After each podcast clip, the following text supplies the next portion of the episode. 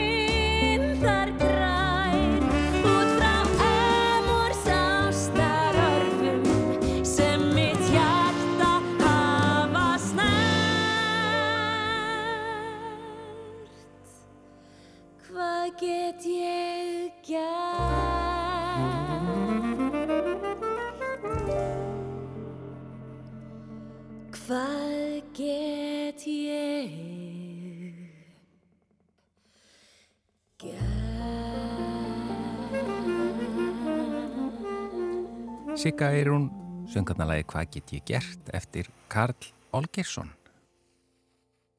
Kleopatra ferðir eða Kleopatra Tours eins og ferðarskriftstofan heitir er íslensk ferðarskriftstofa sem býður upp á ferðir til mið-Austurlanda.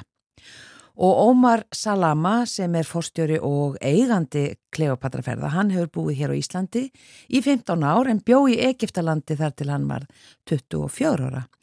Og hann hefur ferðast til fjölmargra landa í gegnum skák til dæmis og eh, hefur mikla þekkingu á menningu um allan heim. Og hann er komin hingað til okkar, hann Ómar. Velkomin. Takk fyrir. E, segð okkur bara aðeins svona frá því af hverju þú komst til Íslands fyrir e, 15 árum. Það var svona meira eða minna tengt hérna, skák. Skák er, var og er hérna, áhuga málið mitt. Lærði svolítið snemma, þryggja fjögur ára og svo hérna, teldi bara í mútum út um allan heiminn og var landslið þjálfar í Egeftalands áður en ég kom til Íslands og skák hefur svo mikið svona að tengja fólk ekki bara keppa og, og svona Mm. og þeir kom tækifæri að komast til Íslands og ég kom og prófaði fyrst svona tíu daga og sjá hvernig er og, og, og mér fannst það bara æðislegt hér Já, þannig að það var bara það að þú reyfst af landinu í þessari skákferð. nákvæmlega Já, og ákvast bara að fara að búa hérna. Já, svo bara hérna giftist hérna fyrirrandi kona mín sem er, hérna, var líka í skák og hérna smá smá bara breytist bara í Íslandingur. Já. E, er mikill áhuga á skák í Egiptalandi? Það er rosalega mikið áhuga á skák í Egiptalandi en kannski ekki, fólk veit ekki að það er hægt að fara að keppa í mótum. Þá er þetta telt meira á kaffihúsum og heima hjá sér án svona stundum bara að fatta já, þú mátt mæta í skákmót, það eru til skákmót sem þú getur tekið þátt í, svo fólk stundum er bara að hissa af því að held svona skák er bara, bara til að skemta sér, hafa gaman svona En, en, en ekki eins mikið eins og hér, fólk teflir meira hér á Íslandi í mótum og það er tilfyllt af skólamótum sem eru krakkarnir taka þátt í og, og, og meira tökum þetta svona meira alvarlega hér. Já. Og hefur þá verið að já, tefla mikið hér? Og Ég- jafnvel keppa? Já, ég hef telt svona sérstaklega hérna fyrstu ári mín hér, svolítið mikið og síðan fyrsta strákurum mín fæðist þá bara tímum breyst og, og, og, og þurft svona sinna annað og mér fannst erfitt að tefla og, og með uh, hann og hann er að tefla sjálfur, hann er 15 ára og, og, og, og hín yngri strákur er hérna, 11 ára og báður að tefla, keppa núna í Reykjavík Open þá fór ég líka að hérna, þjálfa og kenna og dæma í skákmótum. Hmm. Og síðan e, þú ákveður á einhverjum tímapunkti að stopna ferðarskjöfstofu? Já, það er svona að byrjaði í svona hugmyndin hérna kringum 2015 hérna vínir mínir bara ok, við viljum að koma með þér til Egeftalands eins og bara alltaf, já, auðvita og svo hérna 2000, og, og, og, og það var planið að fara 2019 og ég held að mun koma kannski 5 til 10 í mesta læginu svo kom í ljós að það er 45 sem vilja fara. Wow. og þá bara það er ekkert annað nema að reyna bara að græja það og vinna í því og hafði samband við Egiptaland og, og, og skipulega allt þetta hérna, fyrir hópin og við fórum í tíu dagaferð til Egiptalands 2019 sem var alveg frábært. Og, og þessi hópur er bara vínahópur og samstarfsfólk og fjölskyldan þeirra. Og það var indislegt og svo hérna úti ferðarskristór sem ég vann með samstarfsadli sagði bara Ómar þú verður að gera þetta meira og og já, bara ok, af hverju ekki? Ég er búin að stiga inn í það þá stopnaði Kleopatra Tours og byrjum ferður Já, og af hverju Kleopatra Tours? Það er góð spurning, það bara þegar þú hugsar hérna, til Egiptalands, það kemur svona nokkra svona nöfn í. Og, og Kleopatra sérstaklega er svolítið svona fræg hérna, eða Kleopatra the Seventh eins og hún kölluð það er hérna út af kannski bíomindin þá nær meira til fólks mm. og mikið tenging til Egeftalands og öruglega hérna jafnrætt smál hjá okkar af hverju ekki þetta Ramsis til dæmis þá er þetta betra að hafa þetta Kleopatra mm. þá hérna og þá bara komið ljós að það er ekki bara Egeftaland og smá smá byrja að vera fleiri svona áfangastað Já, akkurat. E, svona hvernig er að ferðast um með svona hóp e, í Egiptalandi og svona hvert fariði? Það er bara rosalega, rosalega skemmtilegt af því að líka þegar þú ert að ferðast einn stundum vandar svona félagskapi en hóparnir okkar eru kringum svona 20 manna uh, hópa og þá er þetta allt svona skipilat fyrir okkar. Við erum með hérna, dasgrá sem við erum að fylgja við erum að sjá hérna, hérna, svona highlights af hverju einasta borg sem við erum að heimsækja. Við byrjum alltaf svona í Kæró gott að koma á stærsta borg hérna í Egeftalandi og verðum þar nokkrar hérna, daga skoðum hérna pyramíða og þjóminni sapnið aðalega og, og, og svona Old Kæró hérna miðbæri Kæró svo flúum súður alveg til Aswan. Og svo syklum frá Aswan til Luxor. Það er svona þryggja nætur sigling. Og, og við stoppum á leiðinni og skoðum hófumustri og allt svona hérna, hérna skemmtileg sem er tegnd forn Egeftaland hanga til við komum til Luxor sem er svona svo kallað hérna, open air museum. Mm. þetta bara þú lappar inn í borginni þú segir bara hérna Luxor mustri og El Karnak mustri stærsta mustri heimsins. Og er sjálfsagt konunga dal líka. Heimsækjum það. Mm. og svo eftir svona ferð og við erum búin að fá svona taka mikið inn þá fórum til Hörgaða við Rauðahafið það er svona strandabæ og, og, og svo gaman bara hérna, að fá svona þrýr fjóra daga að, hérna, að, sla, að slaka á og, og fáum bara svona spyrja og spjalla saman um allt sem við hefum séð sínasta daga og fá smá svona vítamin, D líka, sólin og, og, og, og það og svo flúm aftur til Kæru og heim til Íslands. Já. Er auðvelt að vera með svona hóp uh, í Egiptalandi á, á öllum þessum stöðum? Er þetta er svona mikið uh, gert fyrir ferðamenn? Já, það er sko rosalega gott fyrir okkur að við erum hérna, hérna samstarfsadri sem ég er að vinna með er Bekkjar bróður mín sem er eigandi fyrirtæki í Egeftaland og það er bara alveg draust og, og gaman að vinna með honum og svona. Hann segir um allt sem er í Egeftaland fyrir okkar rútur að koma á réttan tíma bókarnir okkar í hótelum allt skipulæð upp á topp. Þá það hjálpar okkar svo mikið. Við þurfum ekki nema að hugsa um að njóta og, og, og læra, myndi ég segja, svona um hérna forn Egeftaland Já, og verðlægið? Það er svona verðlægið er sjálfsagt svona hérna, ódýri en á Íslandi eins og, öll, eins og bara allstaðar, allstaðar.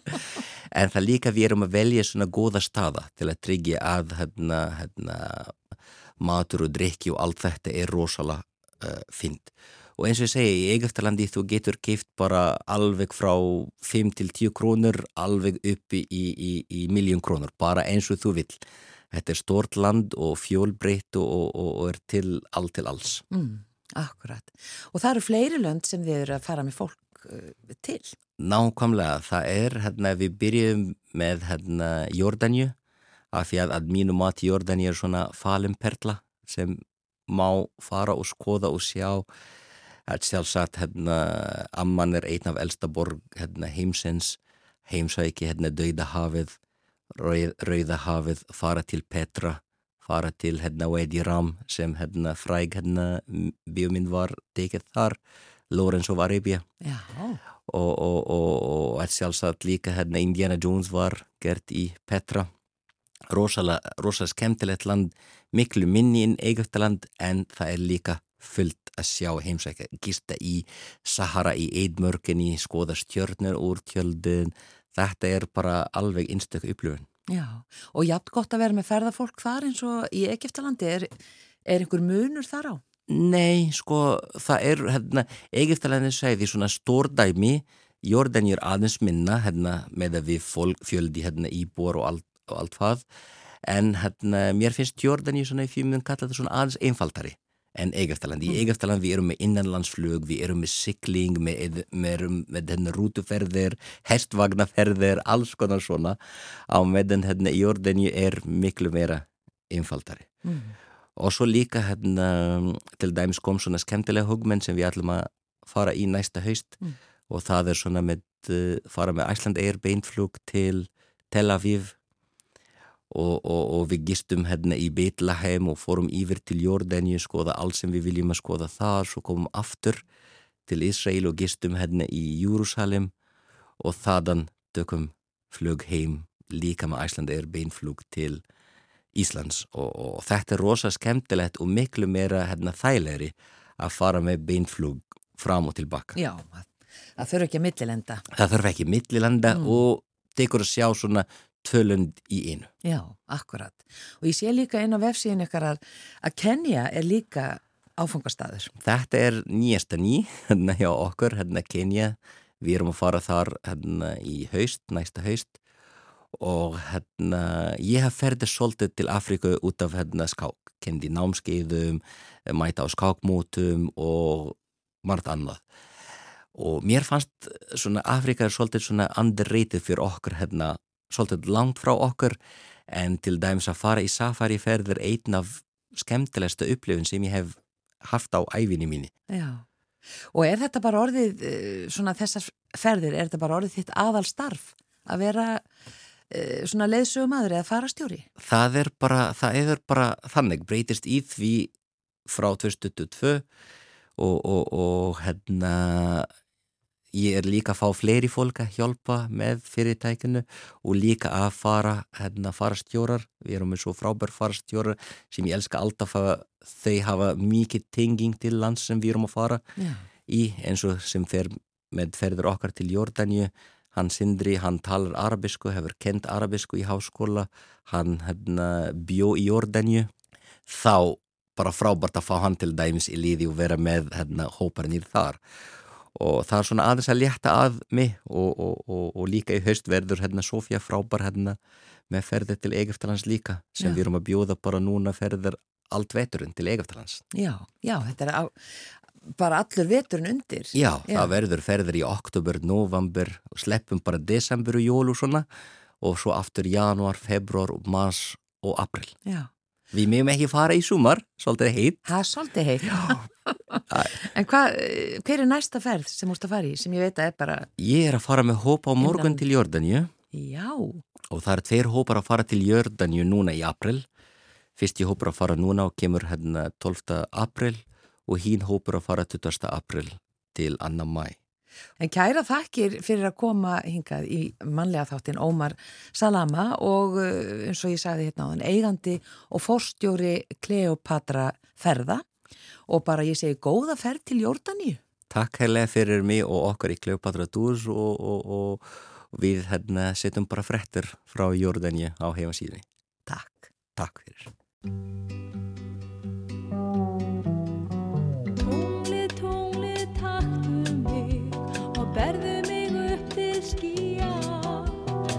we wouldn't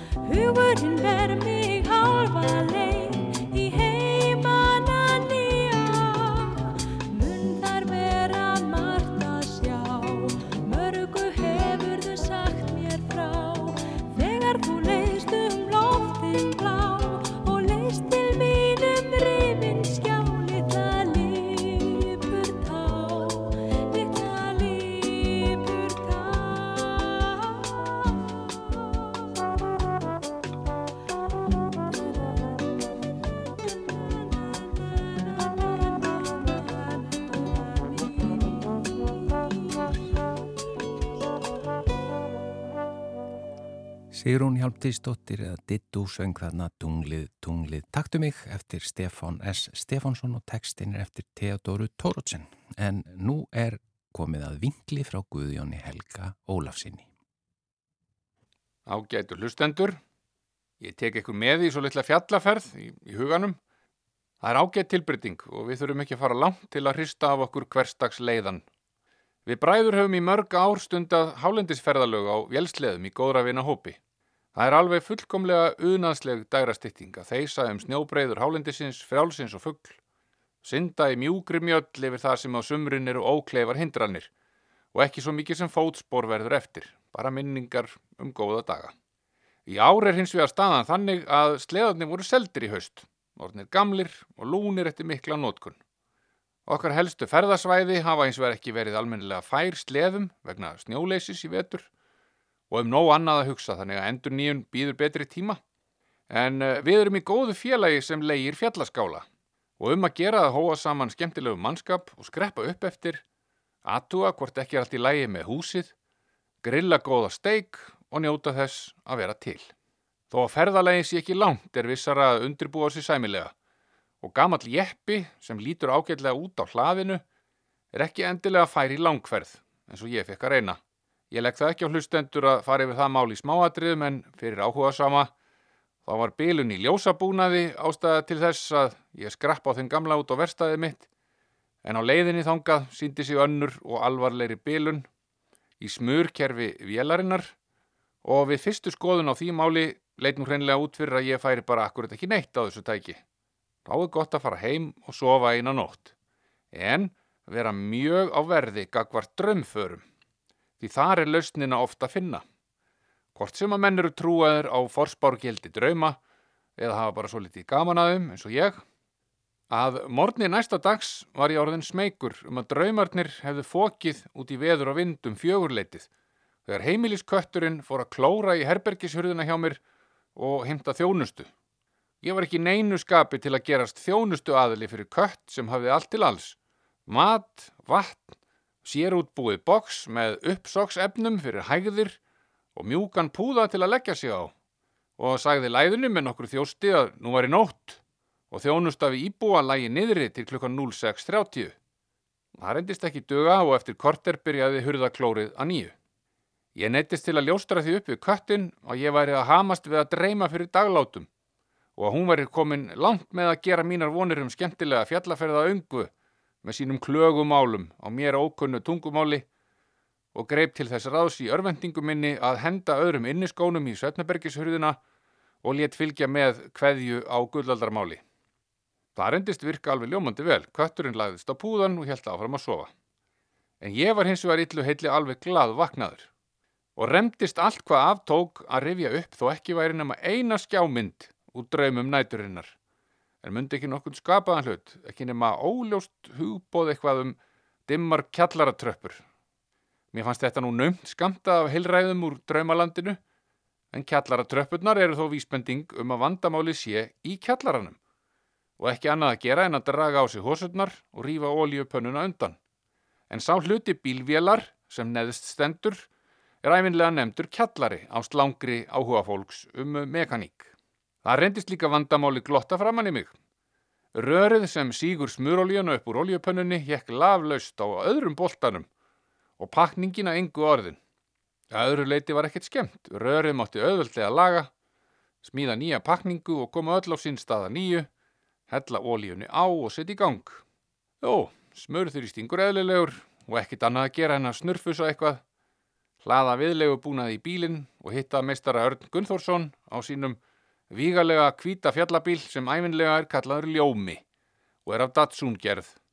Við ætluðum að vera í samfloti að skálanum, en á þriðja bílnum kemi átni Steindor frændi minn örlíti setna.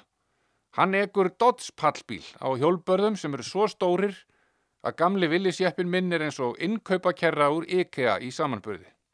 Við skeiðavegamótin kom í ljós að lokubúnaður á farþegahurð villisjeppans var ekki í fullkomnu lægi.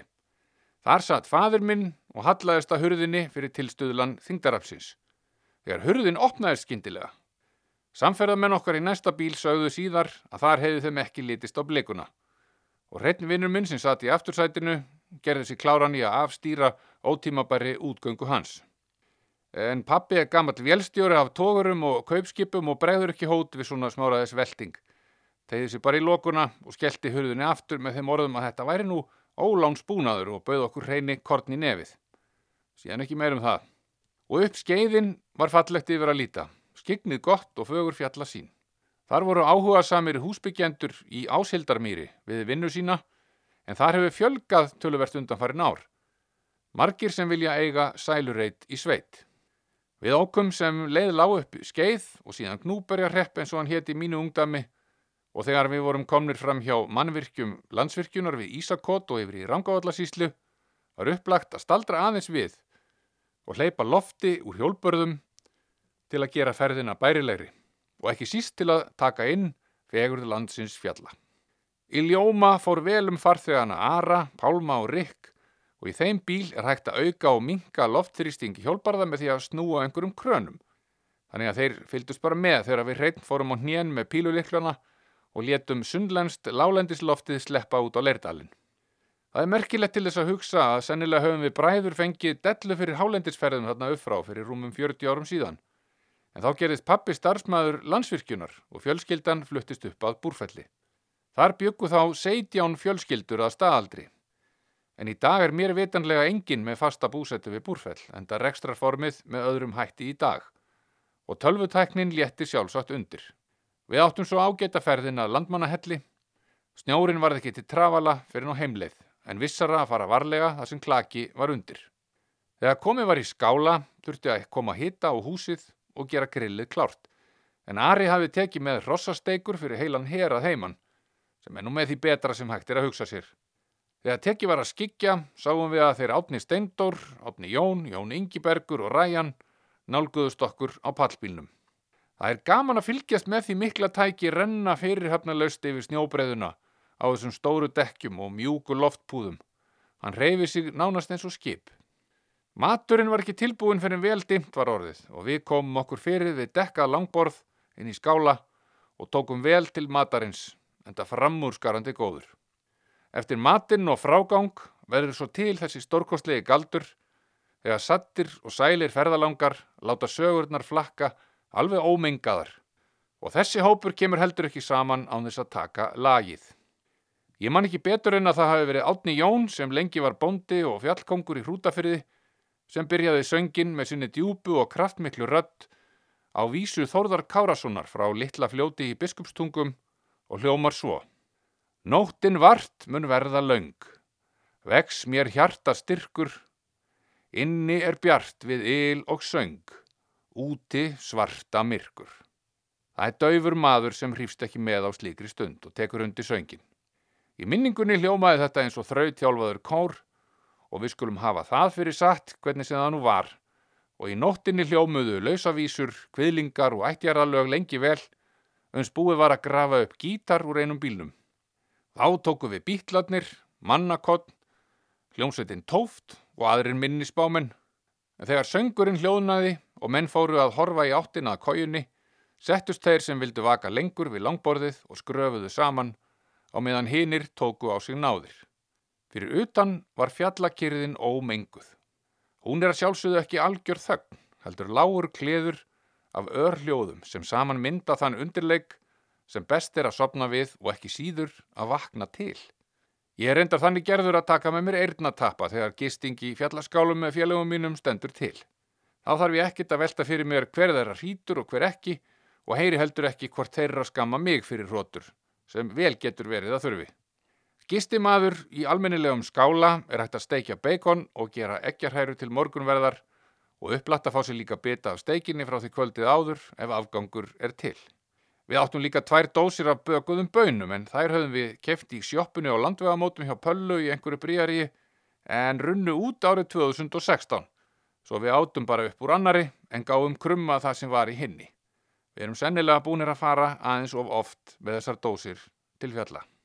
Síðan er að skrúpa, skúra og bóna, raða í bíla, yfirfara húsið, kveikja á talstöðinni og halda heim á leið.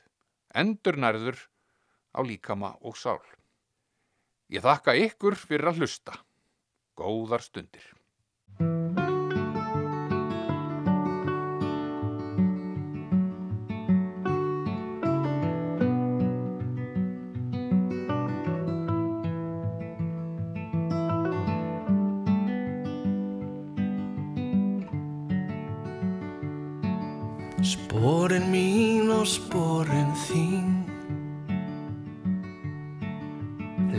Liggja hlið við hlið Í tímans sandi Í drauma landi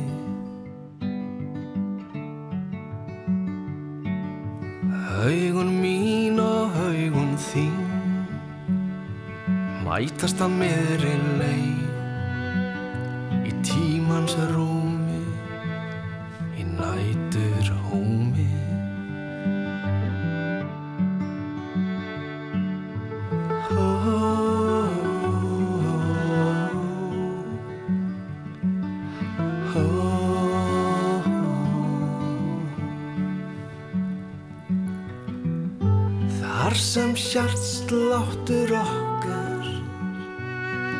slær. Draumarnir mjakast nær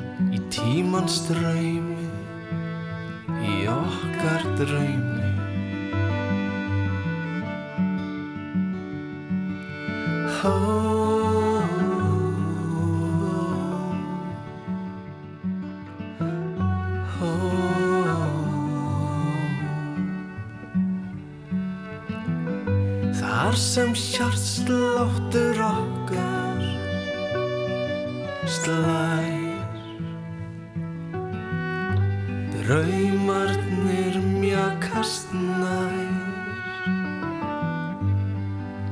Lífsblómi grær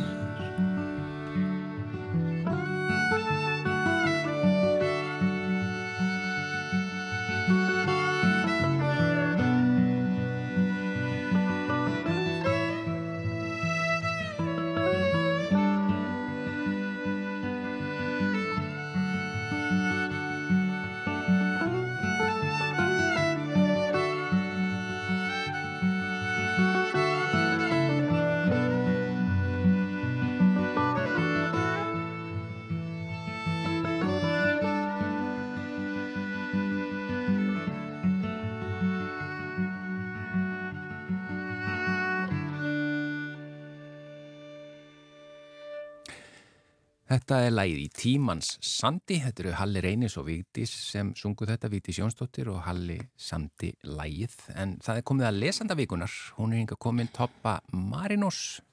Velkomin og takk fyrir að taka að þér þetta hlutverk. Takk fyrir, sem er leiðis. Eh, bara aðeins, auðvitað við þekkjum þig svona hér og þa- hérðan og þaðan úr fjölmiðlum og þú hefur skrifað bækur og það hefur verið gerðið sjómastættir upp og þeim og hann og svo var það granóla barinn sem að hérna, en þið voru á lokunum í síðustu viku. já, þetta bara, þetta er mjög undarlegt. Hann var bara ofinsall og húsnaði var sprungið utan á okkur og við vorum að framlega sko kökur fyrir ykkur 15 kaffihús og réðum ekkert við í raun hvað mikið að gera. Þannig annarkost hefðu þurft að fara í eitthvað stærra húsnaði, lega okkur eitthvað yðnar, eldús og eitthvað og ég bara nefndi því ekki og mér langaði ekki að opna einhverja keðju. Þannig að ég seldi í raun bara búðina en á vörumerkið og er að vinna í því að koma því bara á annar stað þannig að það verður hluta stærra dæmi. Að það er fullt af fólki sem á keðjur og kannar reyka keðjur og og ég þarf ekki að læra það. Þannig að ég er svona vinni því að vörumerkið verður áfram fáanlegt en ég þurfi ekki að bara handskera 500 kökustneðar á En, dag og en eitthvað verði þá í rauninni þetta vörumerki verði þá til sölu hjá hinum og þessum? Já, þannig að það er svona vinslu en ég er svona Já. að skoða svona samstarfsaðalega sem ég er hugnast Mm og sjá hvort að það við náum um, einhverjum góðan díl, hvort þetta getur orðið ástæðsamband. En ætli þetta hefði oft gerst að bara að fólk loki bara einhverjum business að því hann gengur of vel?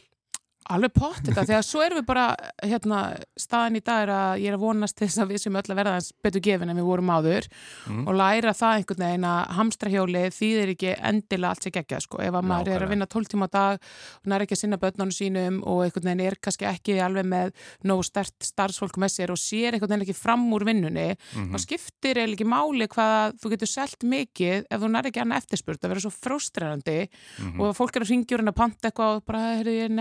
ekki, næ ekki að framlega þetta, þá hættir líka bara að ringja þannig að þetta verður svona svolítið einhvern veginn svona, fólk setja sér lúksusvandamál en þetta er ekki lúksusvandamál þegar þetta var að skada því ég hérna, var eiginlega bara að vinna yfir mig og, og veist, mamma og var hægt að svara símanum hún á þetta fyrirtæki með mér þannig að Já, já. ég hérna, ákvaða að koma okkur út úr þessu og setja þetta í betri farveg og aðalmáli er bara ég á vörumörki, já, uppskriftirnar uh, já, ennþá náttúrulega gott sem framleiðir granula, þannig ég get sett þetta svona samlega því, eða ég get bara pása þetta og kvilt mig og sé svo til en þú veist, velgengni þarf að vera þannig að manni líði vel með hana annars er það ekki velgengni Já, þetta er mjög vel orðað. Já. En hefur tíma til að lesa?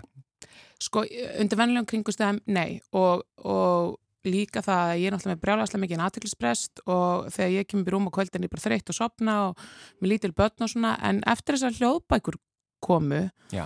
þá kemst ég gegnum slatta bæði því fyrir út að hlaupa og þegar ég er að keira lengri vegalengdir eða bara þegar ég er að elda og set bara í eirun Mm þannig að það er svona svolítið me time og að því ég er með svo mikið natiklisprest þegar ég er að gera eitthvað sem ég finnst kannski leðilt eins og takur úr þóttuvélina eða eitthvað að þá er það svo gott að geta bara sónað út inn í góða bók og bara, þú veist, hendurna bara að vinna og maður getur bara einhvern veginn haft það gott. En ertu að hlusta á einhverja sérstaka tegund, sér, áttar, eða því, er eitthvað svona sérstaka tegund af bókmyndum sem þú hlustar á? Já, svona í setni tíð er ég, jú, mér svona alls konar thrillerar og svo leiði skemmtilegt Mm. uh, Spennubækur. Já, og líka hérna uh, æfisögur Mm en í svona setni tíð og ég, maður mann alltaf aldrei í, í krimmónum en svona setni tíð þá á ég er svo erfitt með að mér finnst krimmarnir einhvern veginn þurfa ég vil svona sérstakka tegunda krimma ég þarf ekki að vita ef einhver deyr nákvæmlega hvernig hann var skorinn og hól og, Mm. og þú veist hva, hvernig fingurinn var sargaður af með þessari tegund af brauðnýf númer 5 á svona bretti Mhm. og það var smá erfitt þarna í þú veist mesta þykildir, þú veist, ég þarf ekki alveg þetta Nei. Og ég get ekki lesið neitt sem við kemur eitthvað svona ógislegt um börn. Og ég er hún svolítið þreytt að því að hver einstu krimmi þarf að toppa sjálfan sig og bara meiri viðbjör til þess að komast lengra til þess að við erum ekki eins og allir hinnir og það er einhvern veginn bara batna nýða blaðsíðu 2 og batna morða blaðsíðu 5 og svo bara nánast, þú veist, þetta er bara komið út í eitthvað algjörst ógeð. Og bara eigandi lítil börn og vera bara með útöga bara þreyttu með útöga taugakerfi þá er ég bara, afþreng fyrir mér er ekki batna nýða á hverju blasi þannig að ég bara svolítið íti því frá og ég bara s- legg frá mig bækur sem eru þar En hvað, ef við bara fyrsta bók sem þú ætlar að segja okkur frá? Hvað- já, sem er lausvella batna nýðin Já. er sem sagt, ég reyni sagt, til að svara spurningunum að velja bækur sem eru skemmtilegar af því að ég er líka búin að kynna mig það Já. að það eru bara vísindalega sannað fólk sem hlær meira og bara endorfín framlegslan að þú bara líka minn gerir við sann eyðir krabba minns frumi og manna að meðan okkur líður vel Mhm. en að lesa eitthvað viðbjóð sem að lætur okkur líða illa gera okkur að döfugt þannig að ég reyni að lesa bækur sem að lengja lífið en stýtta það ekki þetta er mjög dramatíst svar Er ég En- þá að lesa rétt að finnar bækur? Já, hvað? og bara fyndnar og informativ og svona alls konar í bland, en ekki Já. ómikið viðbjör. Um, sko, núna ég er nýbúna, eða svona frekar nýbúna að lesa kvundagsætjuna. Já, eftir Auði. Já, hún er, Það er nú fyndið. já, fyndið, en það er líka svolítið trist, en svona mm, er holta að lesa um bara íslenska raunveruleika og átt að sjá því að það er ekki svo langt síðan þetta á að hafa gerst, mm Mhm. kannski 40 ári eða eitthvað, ég manna ekki alveg Já, en sjá hvað, bara, hvað staða íslenska konar hefur breyst mikið. já, hún kemur einhverstaðar út í kringu 1980, eða ekki? Jú, en hún er sko spannar alveg frá bara hérna uh, úlingsárum þessara konu sem er bara svona ein og bara að því hún á ekki mann þá er hún bara litin hotnauga og að því hún er ekki hefðbundur og hún vil gangi buksum og skrifa en þetta er bara svo holdt og gott að sjá hvað stutt síðan að við vorum alveg galin Já, og þetta er bara vel skrifið bók náttúrulega þar fyrir utan já, ég meina auður er frábær. Já, og hún er heiðarleg og þetta er bara og hún eldist vel. Þetta er bara bók sem er ógislega vel skrifuð og bara frábær. Og, og auður náttúrulega skrifa allar Eliasbækunar sem að dóttir mín er alveg með heilanum þannig að við hefum mikinn mikinn húmor fyrir henni Mhm. sérstaklega eitt atriðan í Eliasbókunum að því talast um það hvað Íslendingar eru sérstakir, við þessum spjóðum mjög ekki fólki að gista heima hjá okkur, Mhm. svo hef ég búið erlendis og vini mínu þar alltaf bara, þú kemur bara að gista hjá mér og ég eitthvað, nei, kemur þú að gista hjá þér? Bara, jú, ég kemur bara sófanum með eitthvað. Við myndum ekki bjóða bara heitli fjölskyld að gista sófanum með okkur, við erum ekki þannig. En sko, í Elias bókunum, þá var gestapláan þau byggu í mangi, Danmörku minni mig. Og þá sko þannig að foreldra Elias voru fann að sofa í liftunni, af því að gestapláan var svo mikið, það var alltaf bara fleiri og fleiri gestir að koma frá Íslandi. Já, já, já, þannig að hún spila svo flott og fyndið inn á svona þjóðar. Hún er sjúklega, sko, Banetri sambanda njálskutinni Já. er bara sjúklega fyndin bók. Þetta er bara svo æðisleg. gott stöf. Já, en einmitt eins og þú segir, það líka hún er eitthvað svo sönn og eitthvað, Já, og hún er ekkert að skafa ofan af hvað hlutnir er oft trist. já, En það er svo mikill kostur fyrir reytöfund að geta sett saman eitthvað sorglegt og séð húmórin í því um Já. leið. já. Því stundu það maður bara að hlæja í ömulegum aðstæðum, skilur, það er ekkert annað. Kundasetjan, auðvitað Já. alls, hvað er, hvað er næsta bók? Um, Yngangur efnafræði, ég man nú ekki hver skrifaði hana. Um, ég hlustaði á hana á ennsku. Mm. um, á Storytel og þetta er sér satt fjallar um konu og þetta er svona svipað tímabil, þú veist, hún er hún, hún á bastarð af því að hún á batn en ekki gifti hjónaband og hún er litinn og hotnöga og hann dreymir um að frægur, frægur efnafræðingur og hún er búin að læra efnafræði en alltaf er hún bara látið að sækja kaffi og svona Mm. þannig að þetta er svona svolítið kvindags hetju fílingur en með svona miklum vísunum í efnafræði og hvað bara þessi briljant kona einhvern veginn endar sem sjómaskokkur af því hún fær eiginlega einhvern veginn það er svona besta vinnan sem hún fær og hún notar alltaf efnafræði þegar hún er elda. Talar um hvernig hérna bara mólekúlum bindast saman í þessum rétti og eitthvað. Þetta er alveg stór skemmtileg bók Mm og svona Hlustar á hana, segir á ennsku. já, Og Er, er þetta bókin eftir Bonnie Garmus? yes, Já, yes, já. passar vel. Já, og hérna, já, Hún, hún er bara, þetta er ný bók. já. Já, og hún, þetta er mjög flott bók og líka bara svona áhugaverst að heyra um efnafræðin og hvað efnafræðin er stór hlut af öllu þannig að, já, efnafræði hljómar ekki sexy en þessi bók einhvern veginn Efnafræði er bara talsverðsexi, myndi ég segja. Já, allavega í þessari bók er hún Já. og, og hún heldur alveg, oft eru svona bækur hún svona titli eins og efna, yngur efnafræði hljómar hræðilega. Ég en- held fyrst þú var að fara að tala um kennslubók. Sko. Já, nei, en þannig er alveg bara rómans og eignast börn og reyna að komast í betra starf og vinasambönd og þetta er bara mjög fallið saga. Næsta bók. Uh, hérna, Girl on a Train Já, sem heitir heldur stúlkan í lestinni eða eitthvað. Þetta er gömul bók. Er það sama- er það- 5-6 ára. sem bíómyndin var byggða. Já, ég hef ekki séð bíómyndina því að ég vildi ekki eðilegina því að bókin er svo geggjuð Já, og ég hlustaði á hana líka um, á ennsku að ég held alveg örgla að Mhm. hérna um, og það sem er svo gott við hana þetta er svona thriller sem þú veist ekki hvernig endar já. og svona thriller svona brjálæðislega spennandi bók án þess að sé puttasarkið sko og, og bara farið vel með börn sko svona að mestu liti en hérna Já, ekki á mikið blóð. og nei, og ekki, Og ekki, svona, ekki, ekki svona viðbjöður en Já. það sem er svo gott í þessari bók og ég elska í bókum er að þú veist ekki hvert sagan er að fara og svo ég endanum hugsaði bara hver anskotin, hver, þú veist, okkur sá ég þetta ekki Já, þannig að hún er eiginlega algjör bomba og þetta er fjallar um konu í lest, hún er alltaf að fara til og frá vinnu og hún fylgist mjög um gluggan alltaf vissu húsi og svona Mhm. sér hluti þar gerast. Svo er hún mjög drikkfæld, þannig að það kemur líka inn á svona, hún tristir ekki því sem hún er að upplifa, var þetta þegar hún búin að fá sér að gerist þetta í raun og gerist þetta svona og svona einhvern veginn hvernig hún hættir að trista sjálfum sér og þetta er, já, þetta er mögnubók. sko ég sá myndina Já, uh, með Emily Blunt já, og hún, hún er að með minni bara mjög góð sko. já. Já, og þetta var einmitt kom hann mjög óvart eitthvað, þetta Já, er flott fyrst. Já, sögurþrán er nefnilega alveg styrlaður og hérna og ég held að bara allir hafi gott að lesa þessa bók til þess að líka það er hérna viss svona enginni ofbeldi sem að bara ég held að allir ættu að þekkja Já, en maður fattar sent og illa samt í bókinni og, og blessu konan gerir það líka ein, ein stutti viðbútt áður en við förum aftur í tíman. Já, herru, leiðbynningar um blöndunatæki Já, hérna, það er kennsla um efnafræði og blöndunum Já, þetta er sem sagt eiginlega bara svona netbæklingur sem ég hlóði niður á netinu og af The Plumber's World, þannig að þetta er bara eiginlega bæklingur. Já, En aðlega var ég nú að horfa á vídeo sem fylgdi þessu með að því að um, ég er að gera upp baðherbyggi og ég þól ekki að þurfa að býða eftir að fá aðstóð utan að að, þetta er bókstaflega leiðbynninga bæklingur. bæklingur. Þannig ég var að að googla og komast að því hvernig ég gætt rifið hérna baðinnitingunni burtu og þurfti að loka fyrir blöndunumtækin. Uh, Sem að var síðan bara ekkert mál. Af þú að sást það í þessum bæklingi. Já, Já. og svo fylgdi vídeo með og þetta var bara geggjað sko. Þannig að það er hægt að finna leiðbynningar fyrir eiginlega allt á internetinu. Það er bara aðeins að horfa nákvæmlega. á típuna sem er að, sem er að selja það leiðbynningarnar sko og sjá hvort þetta sé einhver sem er í föstu starfi eða geðsuglingur. Já, uh, og það er sumt sem, að, eh, ég, sumt sem ég myndi ekki leggja í samt sko Já, sjálfur, en, en hérna, ég vona að það sé allt í góðu með pípunar hjá þér eftir Já, þetta. ég er Já. markíkja og það leikur ekkert, þetta er bara geggjað hjá mér sko. Þetta er frábært. En ef þú ferð aftur í tíma, þú mátt fara eins langt og þú vilt, hvaða svona Mm. bækur og eða höfundar uh, hafa haft svona mest áhrif á því gegnum tíðina? Já, uh, með svona batnabækur sko er mjög erfitt að segja því ég las allt. Mm og bókasafni í Kópói þá í Hamraborg og konundar svona vinn á bókasafninu og erum við búin að henni síman á mömmu og ringd alltaf að koma nýja bækur af því ég var alltaf búin að lesa allt og það var ekkert einhvern veginn, þannig að það var alltaf bara beðið eftir næstu bók og ég var mjög snemma komin í úlingabækarnar og fullorðansbækarnar af því að bara barnadeildi var búin. Um, það eru náttúrulega bara já, menn ég man svo sem ekki eftir einhverju einni sérstakri bara Jú, jú, auðvitað allt Astrid Lindgren en Já. það heitir dóttir mér Ronja.